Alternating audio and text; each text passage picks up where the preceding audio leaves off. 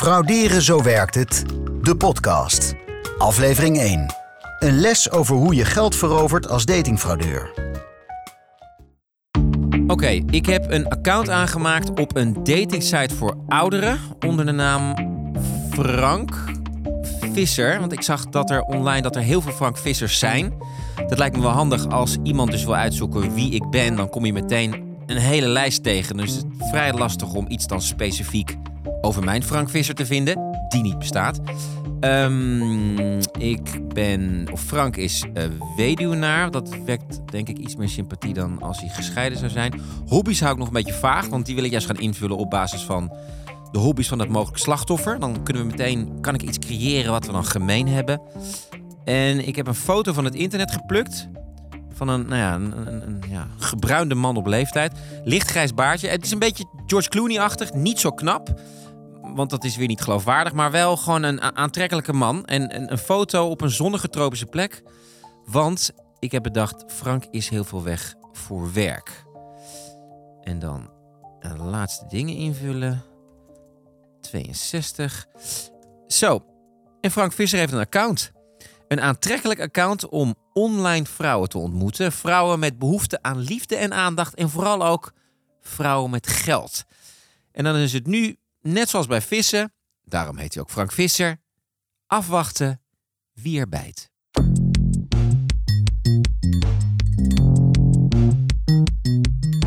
Het begint met een nepaccount op een datingsite of social media. Zo start je als fraudeur de zoektocht naar slachtoffers. De fraude begint altijd met een prins op het witte paard. En dan is het chatten, praten, verleiden en wachten. Langzaamaan wachten op het juiste moment om het slachtoffer geld te vragen. Hij bouwt het op, het bedrag. Elke keer gaat hij meer vragen om te kijken of je dat ook nog hebt. In deze aflevering gaat het over datingfraude. Want hoe ga je als fraudeur te werk? Welke technieken zijn er zodat je in de ogen van het slachtoffer de ideale partner bent? Wat hij ook doet, is morgens al eh, een mailtje gestuurd hebben van uh, heb je lekker geslapen vannacht en, uh, en ga je lekker ontbijten? Wat ga je ontbijten? Het klinkt als flauwekul, maar je bent alleen. Je komt beneden, je gaat je laptop aanzetten. hey, het is gelijk een mailtje. Mijn naam is Daan Nieber en je luistert naar Frauderen, zo werkt het. Een podcast waarin ik in de huid kruip van fraudeurs. Want hoe vind je als fraudeur het beste slachtoffer? En welke trucs zijn er om bij hen zoveel mogelijk geld af te troggelen? Nou, ik dacht in de kroeg ga ik hem niet vinden en op mijn werk ook niet. Dus ik zal toch naar een datingsite uh, moeten gaan. En zo begon het online datingavontuur van Rilene Noordermeer. Ze was na een huwelijk van 31 jaar net gescheiden. Rilene was een leven gewend vol reuring en een druk gezin. Maar nu zat ze opeens hele weekenden alleen thuis. Het alleen zijn, dat viel Rilene nogal tegen. Dus zette ze de eerste stap in een voor haar onbekende wereld. Uiteindelijk kwam ik bij een uh, christelijke datingsite waarvan ik dacht van nou, dat is, zal wel te vertrouwen zijn. Ik had dus niet gecheckt of dat die te vertrouwen was. Maar het klonk mij wel uh, goed. Dus daar heb ik zo'n profiel aangemaakt. En uh, vervolgens krijg je dan, ja, en ook voor betaald. En vervolgens krijg je dan heren voorgeschoteld. Het spel was begonnen. Allerlei mannen stuurden berichtjes naar Rilene. En ze checkte zelf ook profielen. Als ze iemand interessant vond, stuurde ze een berichtje. Maar over niemand was ze nog heel enthousiast. Tot ze in contact kwam met ene Pieter. Ja, hij triggerde iets in mij en ik kan nog steeds niet verklaren wat dat is. Al heel snel in het begin. En, en, en wat triggerde hij dan? Ja, dat weet ik dus niet, wat dat dan is. Maar, of hoe deed hij dat? Weet je dat? Nee, dat kan ik niet meer. Uh, gewoon door de manier van uh, mij benaderen. Ik denk, nou één ding weet ik wel. Uh, hij was heel beleefd. Heel beleefd. Dat heb ik ook van anderen gehoord. Dat, dat is gewoon heel beleefd, heel voorkomend zijn. Dat je denkt van zo, oké. Ja. ja. Hoe de oplichter Rilena deze eerste stap verder ging verleiden Welke trucs zij gebruikte, dat hoor je zo meteen. Eerst ben ik benieuwd naar iets anders. Namelijk, hoe selecteren datingfraudeurs hun slachtoffers? Waarom viel het oog van deze dader bijvoorbeeld op Rilene? En op welke online plekken zoeken ze zoal? Wie daar alles vanaf weet is Sophie van der Zee. Zij is rechtspsycholoog en doet aan de Erasmus School of Economics onderzoek naar internetoplichting. Daders zijn op zoek naar potentiële slachtoffers waarvan ze A denken dat ze op zoek zijn naar een relatie, dus die uh, interesse hebben, um, en B die op dit moment een beetje kwetsbaar zijn. En dat kan komen door leeftijd, door eenzaamheid, door bepaalde uh, levensevenementen, zoals een scheiding of uh, je partner verliezen of op hogere leeftijd nog single zijn. Dat zijn eigenlijk allemaal um, ja, waarschuwingssignalen of, of dingen waar een scammer naar kan kijken. Rilene past dus helemaal in dat profiel. Ze was de ideale prooi, die op zoek was naar een date op een plekje in de digitale wereld waar ze heel kwetsbaar was. Want als ik als fraudeur op zoek ga naar een slachtoffer, waar moet ik dan zoeken? Nou, de makkelijkste plek is natuurlijk online datingplatforms en die staan er ook echt wel onbekend. Maar dat is echt niet de enige plek. Er wordt ook uitgebreid gescout op social media. En dan kun je bijvoorbeeld denken aan Facebook en Instagram. Dat zijn namelijk social media platforms waar ook de wat uh, oudere mensen op zitten. um, en uh, waar mensen vaak heel veel persoonlijke informatie delen. En daarom zit er meteen een waarschuwing in uh, voor eigenlijk iedereen. Um, kijk uit met wat je deelt en welke informatie op openbaar staat. En waarschijnlijk, of als het een, een fraudeur is, dan is er dus een enorme selectieprocedure al aan vooraf gegaan. Ja, ze targeten zeker mensen waarvan zij denken de kans is groot dat de moeite die we hierin steken, dat die uiteindelijk uh, gaat uitbetalen. Ja. En al die moeite, dat scannen, het contact leggen, de stappen daarna, dat betaalt zich uit. Zo laat je als fraudeur de val langzaam dichtklappen. En er zijn nogal wat mensen die er intrappen en zo veel geld kwijtraken. Zo'n 4 miljoen euro maakten Nederlandse mannen en vrouwen vorig jaar over naar buitenlandse oplichters. Ze werden namelijk verliefd via internet en daardoor slachtoffer van datingfraude. Fraude met internetdaten. Het overkomt honderden mensen per jaar. Op een geraffineerde manier doen bendes zich op het internet voor als de ideale partner. Er zijn dit jaar zo'n 250 meldingen van online datingfraude. En het ergste moet eigenlijk nog komen, want richting de feestdagen zijn er meer singles op zoek naar liefde. En dan blijkt die nieuwe liefde gewoon een oplichter. Dit soort cijfers zijn waarschijnlijk nog maar het topje van de ijsberg. Want veel slachtoffers, en dat zijn vrouwen, maar ook mannen, doen uit schaamte geen aangifte. De slachtoffers die zich melden maken per persoon gemiddeld 30.000 euro over aan hun nepliefje. Waar die daders, die nepliefjes vandaan komen? Vaak werken ze samen in internationale bendes, die bijvoorbeeld uit West-Afrika komen, uit landen als Nigeria. Maar vaak blijft het onbekend wie de precieze dader is en waar deze vandaan komt. Terug naar Elaine en de man die zich online voordeed als Pieter. Wat gebeurde er precies na die eerste prille kennismaking? Hoe palmde de fraudeur haar verder in? Je gaat uh, vragen stellen en uh, hij vooral aan mij natuurlijk. Dus ik ging heel veel over mezelf vertellen. Ja. En dat is ook precies de bedoeling van hun. Want zij willen zo, zo goed mogelijk weten wie jij bent, want dan kunnen ze daarop inspelen. Dan ja. kunnen ze jou geven wat je wilt, wat je verlangt. Maar, en wat wist jij op dat moment van hem? Niet veel. Ik heb uh, geprobeerd erachter te komen uh, hoe, hoe zijn uh, situatie was. Nou, hij woonde dan in Limburg. Hij was Amerikaan. En hij werkte op dat moment, of hij was voor zijn werk op dat moment in Maleisië. En wat voor werk deed hij? Ja, hij zat in de goudhandel. Toen had ik ook zoiets. Uh, mm. Even, toen ben ik gaan googlen, want hij woonde in de buurt van Venlo. Bleken daar heel veel goudhandels te zijn. Heel veel goudzaken. Dus toen dacht ik van ja, dan snap ik het. Oh, je bent ook wel meteen gaan googlen. Dat je dacht, ik wil even checken of dat klopt. Ja, ik vond dat toch wel een beetje verdacht. Ja. Goudhandel. En toen dacht je, nou, dat is, dat is eigenlijk niet zo gek. Nee. Nee. Al het contact verliep ondertussen buiten de datingwebsite om. Pieter wilde buiten zicht zijn en vroeg Helene om op andere plekken te gaan chatten. Alles via tekstberichten. Geen videocalls. Ze vertelde heel veel over zichzelf. Maar de fraudeur die zich voordeed als Pieter liet over zijn leven vrijwel niets los. Nou, kijk, ik had wel bepaalde dingen gevraagd. Hè. Heb je, ben je ooit getrouwd geweest? Of uh, dus over zijn verleden. Dus dan vertelt hij wel wat. Maar dan ben je heel snel klaar. Want hij is natuurlijk eh, getrouwd geweest en hij is belazen door zijn beste vriend. Dacht ik van, had je toch ook wel wat origineels kunnen bedenken, maar oké. Had je op dat moment ook daardoor meteen medelijden met hem? Dat je dacht, Ja, dat weet hij ook te triggeren. Hè? Dat, je, ja, dat je denkt, ach. En ehm wat was er nog meer? Nou, hij had geen kinderen. Zijn ouders waren ook al overleden. Ik heb gevraagd waar hij is opgegroeid.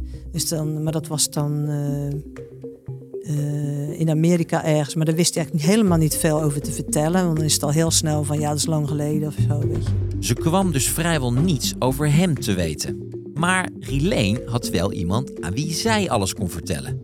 En die super attent was. Wat hij ook doet, is morgens al eh, een mailtje gestuurd hebben van eh, heb je lekker geslapen vannacht en, eh, en ga je lekker ontbijten? Wat ga je ontbijten? Het klinkt als flauwekul, maar je bent alleen. Je komt beneden, je gaat je laptop aanzetten. hey, het is gelijk een mailtje. Je was verliefd.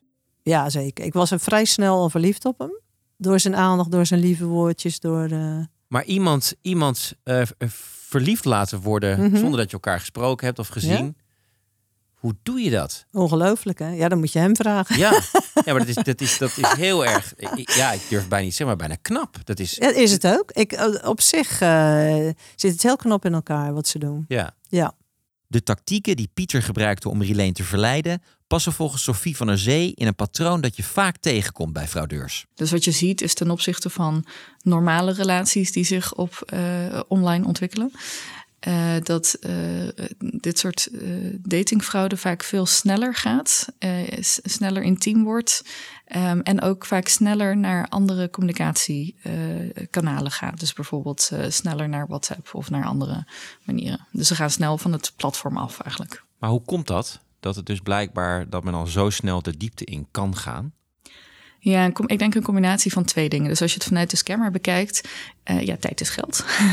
Eh, en eh, je doel is natuurlijk om uiteindelijk iemand geld afhandig te maken. Maar goed, op het moment dat jij iemand vandaag een berichtje stuurt en morgen om geld gaat vragen, dan is de kans dat je dat krijgt niet zo heel erg groot. Nee, het is hetzelfde als met versieren. Je moet toch Zeker, je moet daar een beetje werk van ja, maken. Je- dat- langzaamaan, niet te snel. Ja, maar ehm, aan de andere kant, op het moment dat je daar een jaar over gaat doen, dan is het het niet meer waard. Want heel eerlijk, een relatie opbouwen kost tijd. Ehm, en tijd is geld. Dus op het, er zit zo'n soort sweet spot voor scammers van het moet snel gaan. Niet zo snel dat ze meteen afknappen en denken dit is gek. Maar ook niet zo langzaam dat uiteindelijk het, het bijna niet meer waard is dat je die tijd erin hebt gestoken. En, en hoe kom je dan bij die sweet spot? Hoe zorg je dus dat je precies dat juiste tempo aanhoudt? Nou ja, ook wel door eh, dit met verschillende personen tegelijkertijd te een, een, een proberen een relatie aan te knopen. En ook wel te kijken wie daar het, het, het best, het snelst op reageert. Oké, dus je, je gooit niet één lijntje uit. Om Mm, maar je gooit er meerdere uit. Je gooit er meerdere uit. Gaat met een sleepnet ga je over de bodem. Ja, en op een gegeven moment gaat een scammer dan dus nadenken van... is dit iemand eh, waarvan de kans groot is dat hij uiteindelijk gaat betalen... en dat dat dus snel genoeg gaat gebeuren, dan ga je ermee door... en anders dan kap je dat weer af.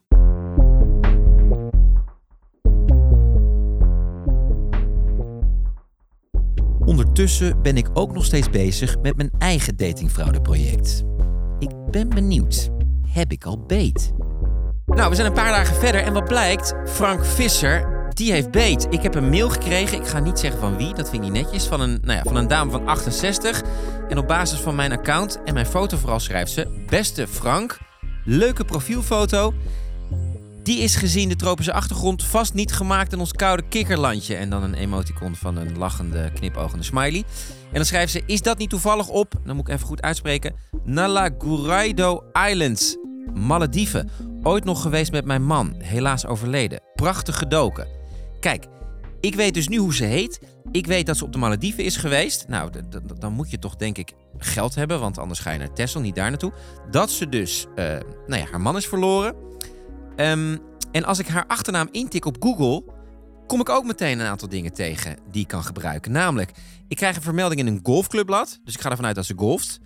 Ehm, haar Instagram is helaas privé. Maar ik had ook nog een, ehm, een vermelding iets over vrijwilligerswerk bij een plaatselijke voedselbank. Dus ik heb golfen, ik heb voedselbank en ik heb de Malediven. Dat is dus genoeg informatie om vervolgens een mail te sturen waarop zij hopelijk weer gaat reageren. Ondertussen is de fraudeur bij Rileen alweer wat verder. Het vertrouwen, dat is gewonnen. Tijd voor de volgende stap. Het verzoek om geld. Bij Rileen kwam hij na twee maanden met die vraag.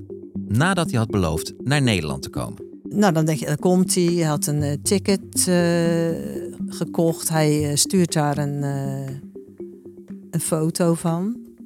Dus je ziet van, nou, ik heb heel veel gevlogen in mijn leven, dus ik weet hoe een ticket eruit ziet. Ja, klopt. Zijn naam staat erop, tijd, plaats van? Oké, klopt allemaal.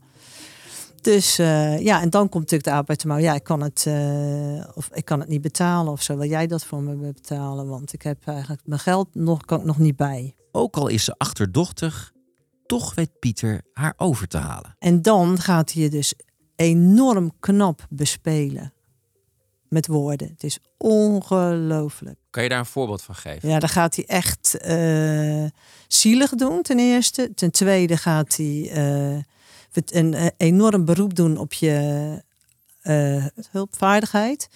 En op het feit dat je al een, een relatie met elkaar hebt. En dat hij dan enorm teleurgesteld is in je. Nou, dan heb je wel een pakketje waarvan je denkt, nou ja. En na die eerste betaling was het hek van de dam. En ging hij steeds meer vragen. Hij bouwt het op, het bedrag. Kijk, eh, bij mij was het, begon het met een ticket, wat zou dat geweest zijn, 1200 of zo. Ik weet niet precies de bedragen meer. Maar hij gaat het elke keer, gaat hij meer vragen om te kijken of je dat ook nog Ja. hebt. Met, met, met wat voor Dus- verhaal? Ja, dus elke keer weer is er iets gebeurd waardoor het bijvoorbeeld hij moet invoerrechten betalen of eh, hij moet eh, zijn paspoort is niet meer geldig of hij moet weer een nieuwe telefoon of weet ik het, weet je, dat soort dingen Ja. allemaal. Hè? Maar bij mij begon het dan met ticket en werd het steeds meer. En, eh, dus eerst een paar duizend, dan wat meer, dan nog meer. En dan op een gegeven moment wordt het wel, eh, wat werd het wel? Wel 25 in één keer of 35, weet ik het. En, eh, Duizend. Ja. Ja. Deze manier van werken zie je vaak terugkomen bij datingfraudeurs. Wat we zien is eh, dat ze vaak beginnen met kleine bedragen. Eh, want op het moment dat je iemand meteen om 10.000 euro's vraagt, dan is de kans heel klein dat je het krijgt. Maar we weten ook weer uit die sociale beïnvloedingstechnieken dat mensen graag eh, constant willen zijn. Dus als ze één keer ja hebben gezegd, dat ze een volgende keer de kans groter is dat ze weer ja zeggen. Dus wat je ziet is dat er vaak eerst een klein bedrag gevraagd wordt. Bijvoorbeeld, hey, kun je dat vliegticket, ik wil graag naar je toe komen, kun je dat vliegticket even voorschieten? Of ehm, mijn dochter is aan het backpacken en die is in de problemen gekomen. Ik zit op een boorplatform en ik kan geen geld overmaken. Zou jij even via Western Union of een andere partij eh, geld naar haar over kunnen maken? Voor heel veel mensen zal het heel moeilijk voor te stellen zijn dat er binnen een behoorlijk korte tijd dus een relatie wordt opgebouwd waarin het slachtoffer bereid is om zo'n bedrag, dan hebben we het nog maar over 1000 euro, tussen aanhalingstekens. Hoe werkt dat? Ja, een, een combinatie van eh, een beetje liefde maakt blind. En ehm, je, je moet niet onderschatten hoe snel een belangrijke rol eh, zo'n zo'n nieuwe internetpartner kan hebben in je leven. Ehm, je ziet echt wel dat, zeker als mensen wat eenzamer zijn, als jij iedere dag meerdere berichtjes krijgt of telefoongesprekken hebt of nou, urenlang aan het, eh, aan het appen bent, dat al echt wel snel eh, die gevoelens van verliefdheid kunnen ontstaan en ook wel een gevoel van een band, van afhankelijkheid, van vertrouwen. Ehm, ik, ik- ik- dus ik, ja, ik zou vooral zeggen, onderschat niet hoe snel dat kan gaan. Ja. Ook in echte relaties. Ja. En liefde maakt toch blind, hè? Ja. Dus dan kan je dingen gaan doen waarvan je later misschien denkt, ik begrijp het zelf eigenlijk ook niet. Ja, of ik, ik, wat je soms eh, wel hoort, er is ook onderzoek naar gedaan, van wat is dan het moment dat je ging twijfelen? Eh, van wat is het moment dat je dacht, misschien zit dit toch niet goed en, en wat deed je toen? En wat je dan ziet, eh, is dat sommige scammers ook echt wel heel erg goed geskild zijn. Eh, namelijk dat als die eerste twijfels komen, dat iemand iets heeft van, maar hoe zit dat dan? Of waarom, waarom ben je daar? Of waarom doe je dit? Eh, dat ze dan eigenlijk best wel vaak een soort passende verklaring hebben. Dus ze hebben dit natuurlijk ook al heel vaak gedaan. Ze, ze weten, ze proberen verschillende dingen uit. Ze weten wat wel werkt, wat niet werkt. Ze hebben van tevoren over dat profiel nagedacht. Ze hebben van tevoren gekeken welke foto's en filmpjes er beschikbaar zijn. Eh, en ze, en ze craften eigenlijk als het ware hun verhaal daar helemaal omheen. En dat betekent dat ze eh, vaak best goed zijn in het wegnemen van die twijfel. Toch komt er altijd een moment dat de fraude stopt. Bij Rileen kwam dat na het zoveelste verzoek om te betalen voor een ticket. Waarna hij weer niet kwam. Ze schakelde een vriendin in. die via haar werk persoonsinformatie kon achterhalen. Die heeft uitgezocht of hij werkelijk eh, bestond en eh, op dat adres woonde. En dat bleek niet te kloppen. Dus ik, had al zoiets van, nou, volgens mij, hij komt niet, dus het klopt al niet. En toen bevestigde zij ook dat hij ook echt niet bestond. Dus toen, eh, ja, de- toen ben ik wel echt eh, Ja. ingestort, ja. Was je toen ook meteen helemaal klaar met hem? Die verliefdheid was weg en Nee, die was helemaal nog niet weg. Nee, nee, nee, nee. Ik was nog steeds heftig verliefd. Ik dacht van, nou, dan ben ik niet verliefd op die eh, zogenaamde figuur. Dan word ik, ben ik nu gewoon verliefd op die oplichter. hè? Ja, zo erg is het. En ook dat zie je vaker. Dat zelfs nadat de scammer door de mand valt, het slachtoffer verliefd blijft. Maar ja, hij staat nog wel op dat voetstuk. En dat is lastig. Ja. En dat is dan ook het trieste dat je dus uiteindelijk zit met ehm, liefdesverdriet, verlies aan geld, omgeving die het niet begrijpt, deuk in je zelfvertrouwen Ja, en je vertrouwen in de wereld. Ja, en je vertrouwen in de wereld. Wat een enorme nare manier van oplichten. ja. ja ik, vind zelf dat dit de naarste is die we kennen. Ja. En ook nog eens het feit dat dus de dader eigenlijk nooit gepakt wordt. Ja, bijna nooit. Ja, Het komt er wel eens voor dat hij gepakt wordt. ja heel weinig. Echt heel weinig. Maar het komt wel eens voor. Ja. Ja. Want ze gebruiken eh, volledig de profielen van andere mensen, anonieme communicatietechnieken. Eh, geld wordt vaak ofwel overgemaakt naar de bankrekeningen van geldezels. Dus dat zijn mensen die hun bankrekening ter beschikking stellen aan een crimineel om daar geld doorheen te sluizen. Ehm, of door bijvoorbeeld cryptocurrencies of door allerlei organisaties waar je ook wat anoniemer geld over kunt maken, zoals Western Union. De fraudeur die Rilleen oplichtte, die is ook nooit opgepakt. Waar hij vandaan kwam, wie hij was, ze is er nooit achter gekomen. En de verliefdheid, die verdween op een gegeven moment. Alleen de gevolgen van de fraude, die verdwenen niet zomaar. Nou, het duurt jaren voor je eroverheen bent. Het is ook heel moeilijk om goede hulpverlening te vinden, omdat de meeste psychologen, ik heb er een paar versleten, maar die eh weten eigenlijk niks van. Die snappen het niet. Ja. Wat was voor jou erger? Het geld dat je bent kwijtgeraakt? Of eh, nou ja, inderdaad het persoonlijke trauma? Nou, kijk, eh, ik vond het erger om eh, die, die geliefde en die gedroomde toekomst kwijt te raken. Dat vond ik erger. Ik wil vooral dat duidelijk is dat, het, dat je gewoon zo kapot wordt gemaakt, omdat je via je hart wordt bedrogen en dan ook nog je geld kwijt bent. En er zijn mensen die geven alles weg. Dus, die, dus als, als mensen op de bank die aan de balie krijgen, dan hoop ik echt dat ze ze informatie geven over slachtoffer op Nederland. Want je kan eigenlijk iemand niet naar huis sturen met u bent opgelegd, u moet geen geld meer geven. Eh, ze moeten echt, moet echt hulp geboden worden. Moet een verwijzing naar hulp. Ja. Want anders, eh, er zijn mensen die plegen zelfmoord. Zo kan een online zoektocht naar een nieuwe liefde dus eindigen. Met vreselijke gevolgen voor een slachtoffer, terwijl de dader alweer contact heeft gelegd met een nieuw slachtoffer. En dan is er natuurlijk de vraag hoe het afloopt met mijn eigen fraudezaak. Hoe zo'n datingfraudeur aan al die informatie komt om een aantrekkelijk script te maken, ja, dat weet ik nu zelf. Want ik heb nu gemerkt, hè, dankzij Frank Visser, hè, de personage die ik heb gecreëerd op die datingsite, en de reactie die daarop kwam van een dame die mogelijk geïnteresseerd was in Frank, dat leverde al zoveel informatie op. Informatie waarmee ik een script zou kunnen schrijven om deze vrouw naar binnen te hengelen. Als ik ooit ga daten online, dan weet ik het wel. Dan ga ik niet zo snel zoveel delen. Maar ja, aan de andere kant, je deelt al heel erg veel. Als iemand weet hoe ik heet voor een achternaam. Daten online is eigenlijk gewoon hartstikke hetzelfde als daten in de kroeg. Als iemand naar je toe komt en die komt net iets te slik over, die vraagt net iets te veel en die heeft wel heel erg veel zaken gemeen met jou, dan is een klein beetje argwaan misschien niet verkeerd. Je luisterde naar Frauderen, zo werkt het. Wil je meer afleveringen horen? Abonneer je dan in je favoriete podcast-app. Zo kruip ik bijvoorbeeld ook in de huid van een bankhelpdesk-fraudeur en een crypto-oplichter. Frauderen Zo Werkt Het is een initiatief van de gezamenlijke banken. Bekijk meer lessen op zowerktfraude.nl en leer zo fraude herkennen en voorkomen.